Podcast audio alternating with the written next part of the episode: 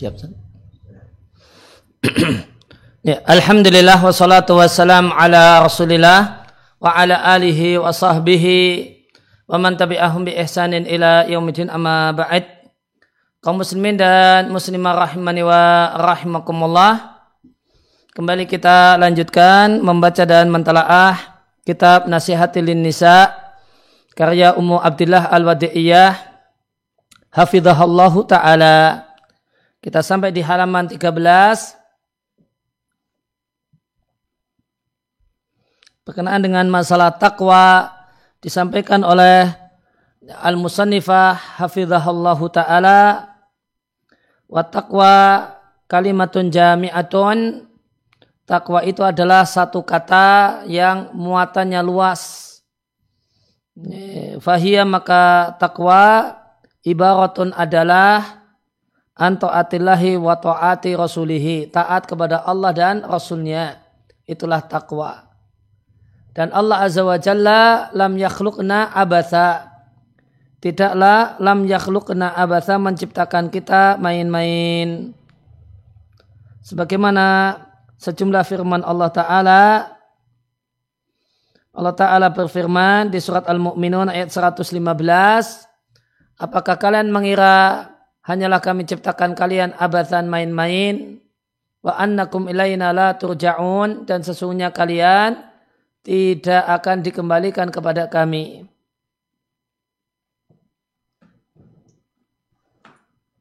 Untuk penjelasan ayatnya akan saya bacakan dari Al-Mukhtasar fi Tafsir.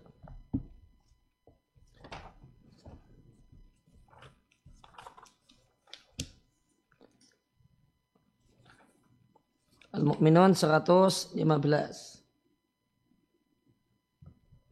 Di Al-Mukhtasar fi Tafsir dijelaskan maknanya Wahai sekalian manusia, apakah kalian mengira hanyalah kami ciptakan kalian main-main, yang dimaksud main-main tanpa hikmah.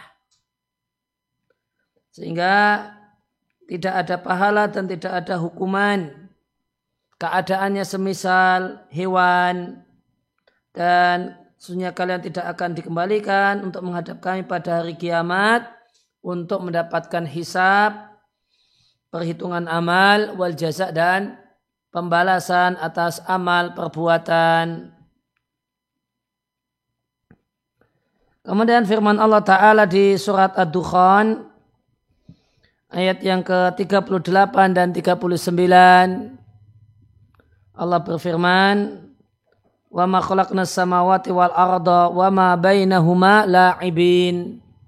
Tidaklah kami ciptakan langit dan bumi dan makhluk yang ada di antara keduanya langit dan bumi main-main. Ma khalaqnahuma illa bil haq. Ya, tidaklah kami ciptakan keduanya langit dan bumi kecuali bil haq dengan benar. Walakinna aktsarhum la ya'lamun. Namun mayoritas mereka tidak mengetahuinya.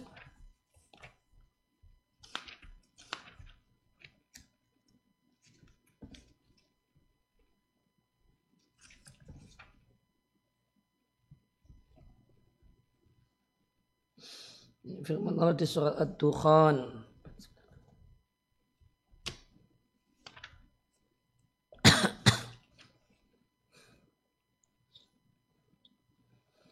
Ayat 38 dan 39. Di Al-Mukhtasar fi Tafsir maknanya kami tidaklah ciptakan langit dan bumi dan apa yang ada di antara keduanya main-main main-main dalam penciptaannya. Jadi dan tidaklah kami ciptakan langit dan bumi ila bil haq. Nah, apa makna bil haq? Maknanya tidaklah kami ciptakan langit dan bumi kecuali karena kecuali ya, mengandung hikmah yang luar biasa.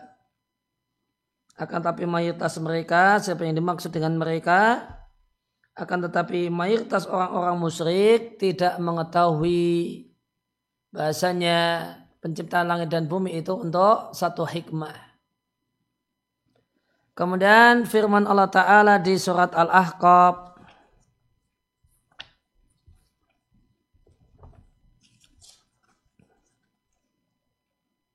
ayat yang ketiga. Khalaqna samawati wal arda wa ma bainahuma. Uh, itu kurang ma itu ya di redaksi ayatnya ma khalaqna as-samawati wal arda wa ma bainahuma illa bil haq ya, cetakannya kurang ma tidaklah kami ciptakan langit dan bumi dan makhluk yang ada di antara keduanya kecuali dengan kebenaran dan batas waktu yang sudah ditentukan. Namun orang-orang yang kafir mereka berpaling dari hal yang telah diingatkan kepada mereka.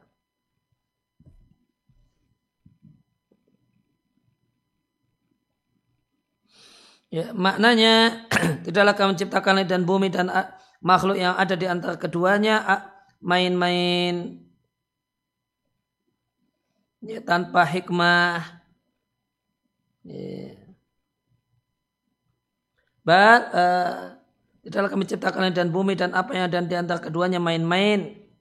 Bahkan kami ciptakan itu semua bil hak dengan hak yaitu lihikamin balira hikmah yang luar biasa. Maka bil hak maknanya sama dengan ayat sebelumnya yaitu mengandung hikmah yang luar biasa. Minha di antaranya adalah Allah memperkenalkan dirinya kepada para hamba melalui makhluk-makhluk tersebut sehingga mereka para hamba menyembah Allah Subhanahu wa taala semata dan tidak menyekutukan Allah dengan sesuatu apa pun. Dan mereka e, melakukan tugas dan kewajiban mereka sebagai penghuni bumi. Ila amadin muhaddadin ajalin musamma artinya amadin muhaddadin batas waktu yang telah ditentukan yang hanya diketahui oleh Allah Subhanahu wa taala. Namun orang-orang yang kafir mereka ya, berpaling masa bodoh dan cuek dengan hal yang telah diingatkan kepada mereka yaitu yang telah diingatkan dalam Al-Qur'an. Mereka tidak peduli dengan itu semua. Kemudian firman Allah Subhanahu wa taala di surat Sad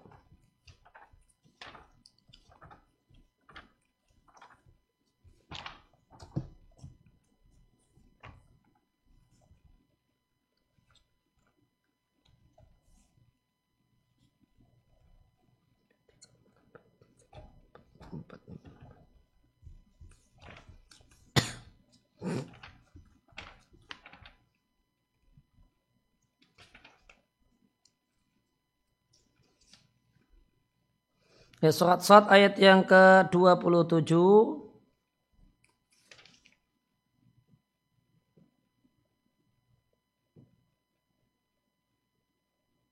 Tidaklah kami ciptakan langit dan bumi. Ya, Batila itu abasan main-main. Dan penciptaan bumi main-main itu lanjutannya ayat Dalika dhanul ladina kafaru itu adalah sangkaan orang-orang kafir. Fawailul lilladzina kafaru minan nar. Maka celakalah mereka orang-orang yang kafir yang punya sangkaan semacam ini untuk mereka siksaan neraka pada hari kiamat. Jika mereka mati dalam keadaan ya, kekafiran yang dalam keadaan mereka kafir dan buruk sangka kepada Allah. Kemudian firman Allah Ta'ala di surat Al-Hijr ayat 85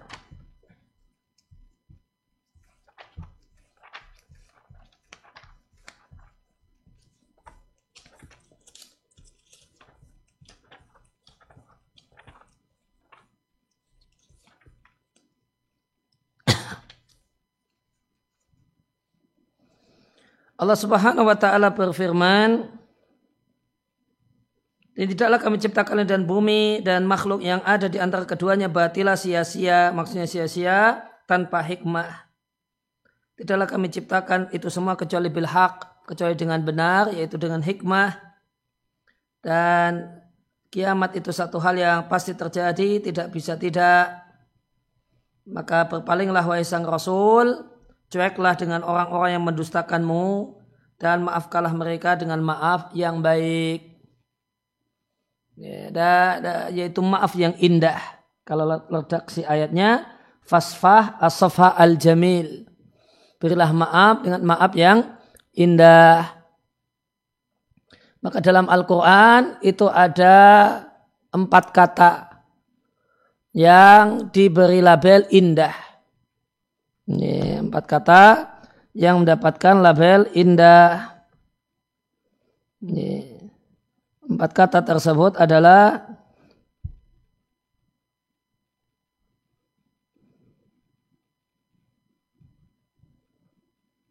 Ya, dan apa tentang apa maknanya dijelaskan oleh ya, Abdul Abbas Ibn Taimiyah rahimallahu taala.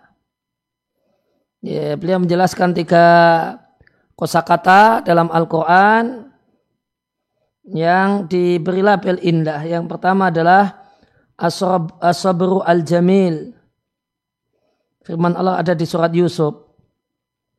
Kemudian as-saful jamil ada di ayat ini Al-Hijr 85 memaafkan yang indah kemudian eh, meninggalkan atau boykot yang indah Hajron Jamila di surat eh, Al-Muzammil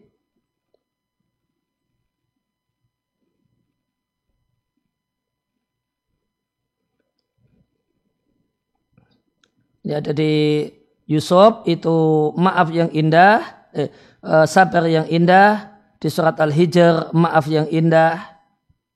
Yeah.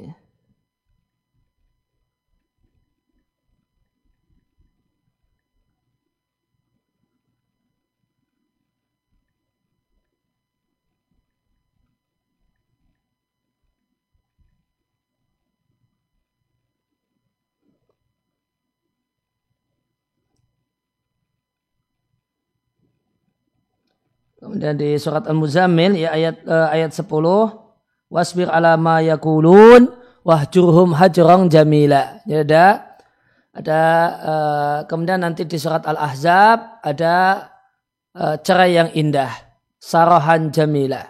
Ini ada empat kosakata dalam Al-Quran yang diberi label indah. Ini, maaf yang indah ada di surat Yusuf. Ini, maaf yang indah ada di surat Yusuf ayat yang ke eh, 86 atau ke 18 ya ayat yang 18 kemudian maaf yang indah ada di surat Al-Hijr 85 kemudian eh, meninggalkan yang indah boykot yang indah. Itu ada di di, di Muzammil ayat 15 kemudian cerai yang indah wasarihuhunna sarahan jamila ceraikan istrimu dengan cara yang indah ada di surat Al-Ahzab ayat 49. Ini ada empat kosakata dalam Al-Quran yang diberi label indah. Ya, tiga kosakata dijelaskan oleh Abu Abbas Ibn Taimiyah tentang maknanya. Ya, beliau Syekhul Islam Taimiyah ditanya tentang apa makna sabar yang indah, maaf yang indah dan uh, boykot atau meninggalkan yang indah. Ini ada di uh, Majmu Fatawa Syekhul Taimiyah di jilid yang ke-10. Beliau katakan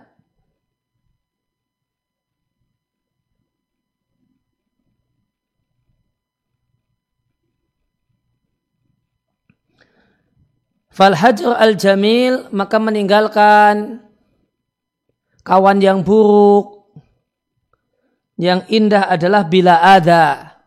Tinggalkan tanpa menyakiti. Ya, e, dalam bahasa kita artinya jaga jarak namun tidak putus. Jadi ada tetangga yang suka menyakiti atau ada teman kerja dan sebagainya yang suka mengganggu. Maka tinggalkan dengan e, cara yang indah yaitu tinggalkan namun tidak menyakitinya. Ya, sekedar jaga jarak, e, ngomong jadi seperlunya, namun tetap bisa sehelo, tetap bisa eh, mbak ya ketemu.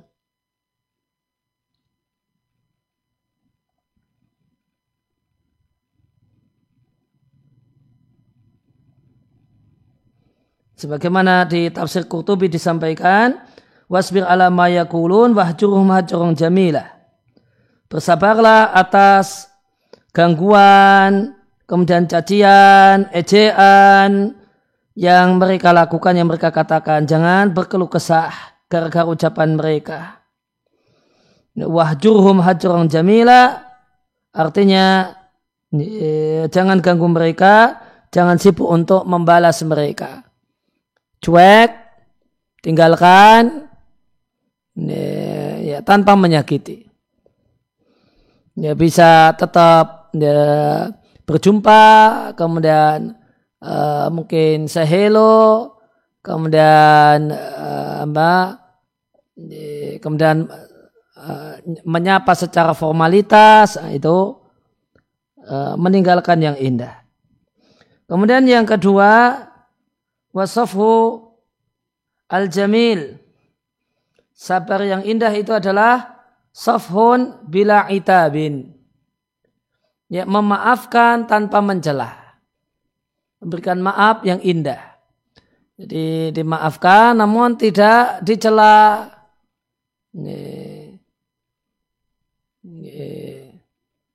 Demikian uh, maka karena sebagian orang memaafkan namun sambil mencela. Ya, misalnya aku maafkan dirimu, ya, tapi sungguh memang terlalu uh, yang dulu kau lakukan, tapi ya, itu sudah saya maafkan. Hmm. Ya, aku maafkan dirimu, sebenarnya aku sakit hati. Ya, ucapanmu itu sungguh menyakitkan, tapi aku maafkan. Nah ini namanya memaafkan namun sambil mencela. Aku tuh sakit hati. Ucapanmu itu betul-betul uh, menusuk di hatiku. Aku sampai nangis semalaman. Tiga-tiganya engkau bilang demikian. Tapi ya sudah itu itu kemarin saya maafkan. Nah ini namanya memaafkan sambil mencela. Hmm. Dan dan ini bukan memaafkan yang indah. Memaafkan yang indah itu memaafkan tanpa mencela. Ya, memaafkan tanpa uh, ya, memaafkan tanpa mencela. Ya, dan contoh memaafkan yang indah adalah maafnya Allah terhadap kesalahan Nabi kita Shallallahu Alaihi Wasallam. Ya. Di contohnya ada di surat At-Taubah ayat 43. Yeah. Allah katakan di At-Taubah ayat 43, afallahu angka lima adintalahum. Mau uh, ketika Allah mau menyalahkan, menegur, itu didahului dengan memaafkan terlebih dahulu. Afallahu angka Allah maafkan dirimu, dimaafkan dulu, dimaafkan, ditegaskan kalau sudah dimaafkan baru kemudian ditegur. Lima adintalahum tatkala engkau memberikan izin kepada mereka untuk tidak ikut perang. Maka ini dinilai sebagai satu hal yang menarik. Sebagaimana di tafsir Nukathir dari Sofyan bin Uyainah dari Mus'ir ibn Aun. Beliau mengatakan, Hal sami'tum bimu'atabatin ahsana min hadah tidakkah kalian pernah mendengar menegur yang lebih bagus daripada hal ini? Bada abil afwi qoblal mu'atabah. Ya, dimaafkan sebelum ditegur. Allah Ta'ala berfirman, kata beliau, afallah angka lima adin ta'lahum. Ya, Allah maafkan apa yang telah engkau lakukan, yaitu mengizinkan mereka untuk tidak berangkat perang Padahal Allah Subhanahu wa taala memerintahkannya. Ya, maka memaafkan yang indah adalah memaafkan tanpa mencela, tanpa mengungkit apa yang dulu terjadi. Tanpa menceritakan betapa jengkelnya hati, betapa sakitnya hati, betapa perihnya hati, dan tanpa menceritakan kalau saya nangis gara-gara ucapanmu, gara-gara perbuatanmu gitu. Itu uh, memaafkan yang indah. Nah. Dan sebagaimana memaafkan itu hendaknya memaafkan yang indah, maka demikian juga hendaknya meminta maaf. Itu adalah meminta maaf yang indah. Sebagian orang minta maaf namun minta maafnya tidak indah. Sebagian istri itu minta maaf kepada suaminya dengan mengatakan, Mas maafkan ya, ini ya, maafkan adik kemarin ya, ini, ini, kemarin ngambek, gitu. Namun habis itu ngomong, tapi Mas itu memang nyebelin kok, nggak gitu. Nah, itu namanya minta maaf, namun minta maaf yang tidak indah. Karena minta maaf sambil mencela. Nih. Nabi namanya minta maaf sambil mencela. Maka memaafkan yang indah itu memaafkan tanpa mencela. Maka hendaknya minta maaf itu minta maaf yang indah. Yaitu minta maaf tanpa mencela.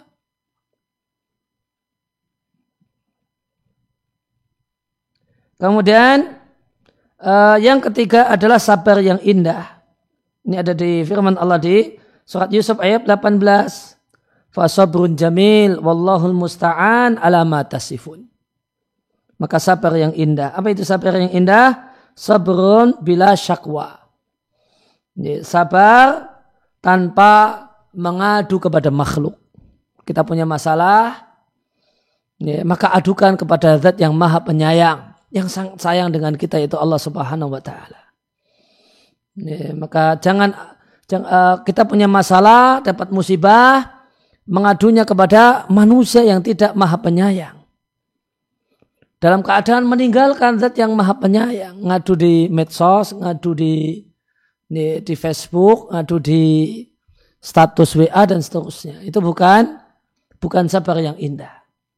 Sabar yang indah adalah ketika kita dapat musibah, dapat problem, kita mengadu dengan menangis, dengan merengek kepada zat yang maha penyayang dan tidak kita adukan masalah kita kepada uh, makhluk kepada manusia yang tidak bisa apa-apa yang lemah dan yang dan bukan yang penyayang kemudian ada yang keempat yaitu cerai yang indah uh, ada di firman Allah di surat Al-Ahzab ayat yang ke-49 eh, famati'uhunna wasarihunna sarahan jamilah Ya, maka berilah uh, kepada istrimu yang engkau cerai, berilah kepada mereka mut'ah.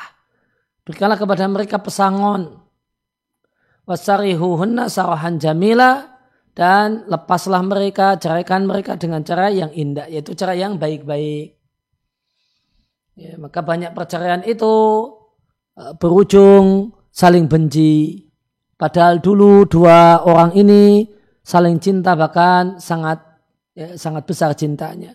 Namun karena satu dan lain hal bercerai, kemudian dampaknya adalah terjadi saling benci. Maka hendaknya tidak demikian. Kalau anda wahai suami mau mencerai, ceraikan yang indah di antara bentuknya adalah berikan uang pesangon. Ini, berikan uang pesangon kepada istri yang dicerai.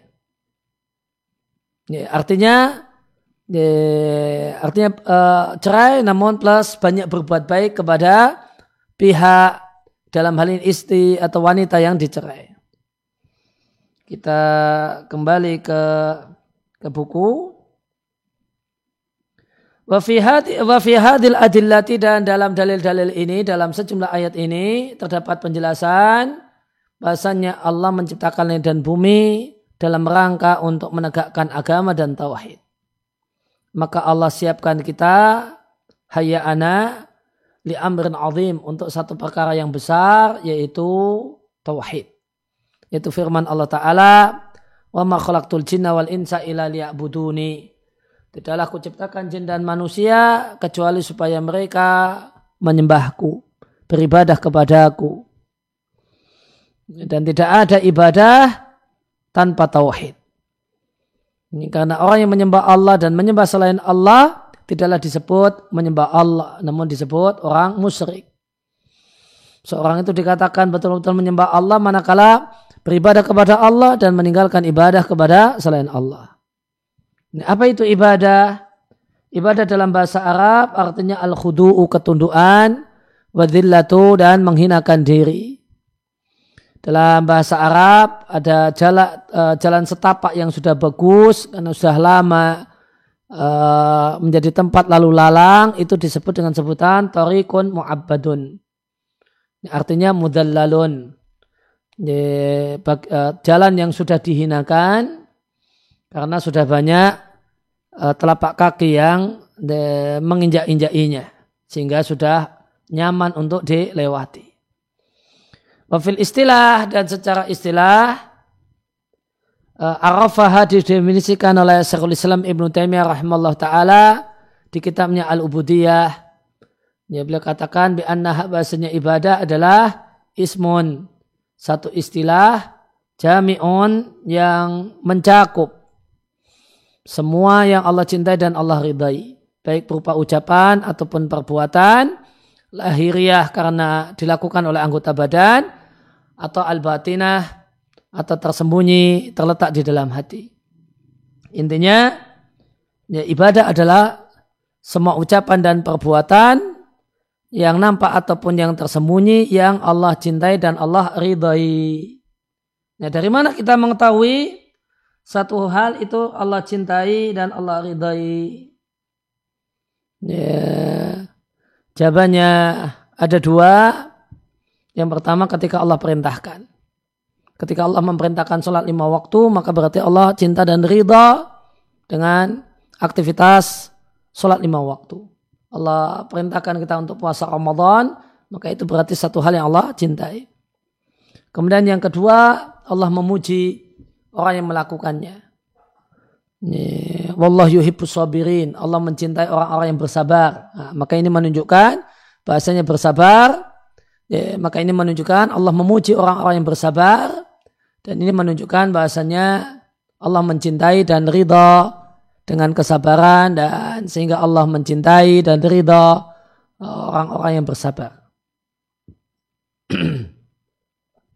dan dengan mengacu pada pada definisi ibadah ini maka kita bisa ketahui bahasanya ibadah ini definisi ibadah yang disampaikan oleh Syekhul Islam Ibn ini adalah definisi ibadah yang sangat lengkap.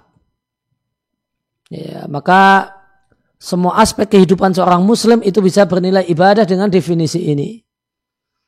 ini. Maka definisi ini ibadah bukan hanya ibadah mahdoh. Namun semua hal itu bisa menjadi sesuatu yang Allah cintai dan Allah ridai, maka itu ibadah. Maka ibadah itu manhajul hayat.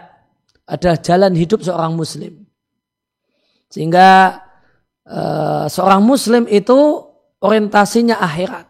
Bukan orientasi dunia. Karena semua aspek kehidupannya ingin dia jadikan ibadah. Dalam pengertian sesuatu yang Allah cintai dan Allah ridai. Ini ini ibadah dalam eh, dalam Islam. Ibadah dalam Islam adalah keseluruhan aktivitas kita. Sehingga uh, semestinya seorang Muslim bukanlah seorang yang ya kita harus tawazun, harus seimbang dunia akhirat. Enggak. Seorang Muslim berdasarkan definisi ibadah ini semestinya semuanya akhirat. Orientasinya akhirat. Semua dijadikan, semua aktivitas, semua ucapan, semua perbuatan, semua sikap yang akan diupayakan oleh seorang muslim agar menjadi sesuatu yang Allah cintai dan Allah ridai. Ini selanjutnya di halaman setelahnya dan Allah Subhanahu wa taala berfirman, "Allah khalaqal mauta wal hayata." Dia Allah zat yang menciptakan kematian dan kehidupan.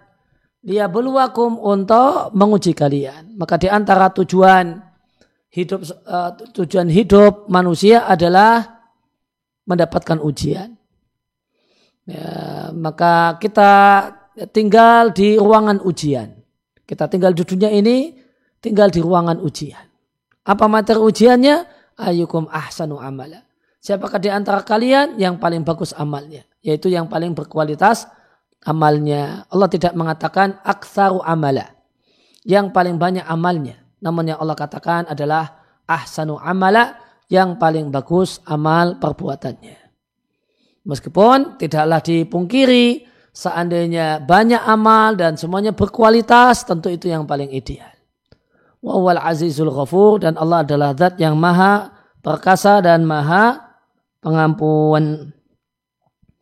Namun waka'annana seakan-akan kita tercipta untuk dunia, untuk sekedar makan, minum, walilahwi dan senang-senang.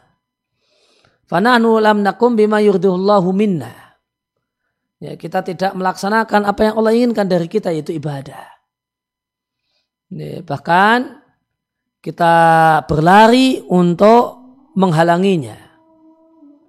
Ya, fala tulhina, fala tulhina ad-dunya. Maka janganlah dunia melalaikan kita.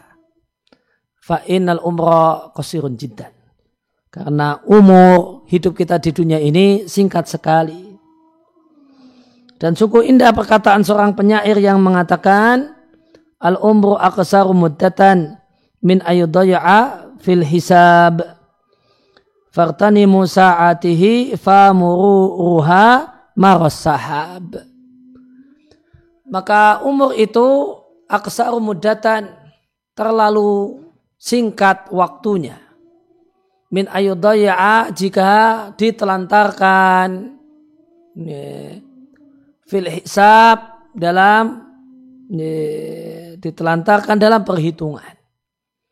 Nah, umur itu terlalu pendek, terlalu sangat disayangkan kalau cuma ditelantarkan untuk hal yang sia-sia.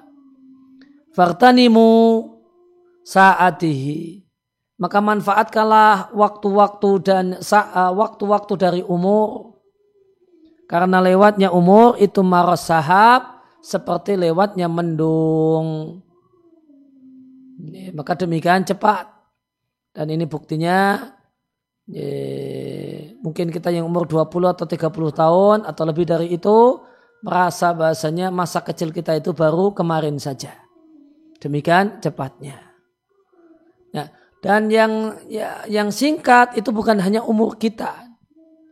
Ya, namun bal dunia nafsuha qasiratun jiddan. Bahkan umur dunia ini sendiri sangat singkat sekali, sangat pendek sekali. Ini, kemudian akan beliau bawakan ayat-ayat yang mengingatkan kita untuk tidak tertipu dengan dunia yang insya Allah ayat-ayatnya akan kita baca dan kita telaah di pertemuan yang akan datang. Demikian, ya, terima kasih atas kehadirannya dan perhatiannya. Mohon maaf atas segala kekurangan. Wassalamualaikum ala nabiyina Muhammadin wa ala alihi wa sahbihi wasallam. Wa aruda'ana alhamdulillahi rabbil alamin. Subhanakallahumma bihamdika. Asyadu an la ilaha ila anta astaghfiruka wa atubu ilaik. Nih, saya pamit nih.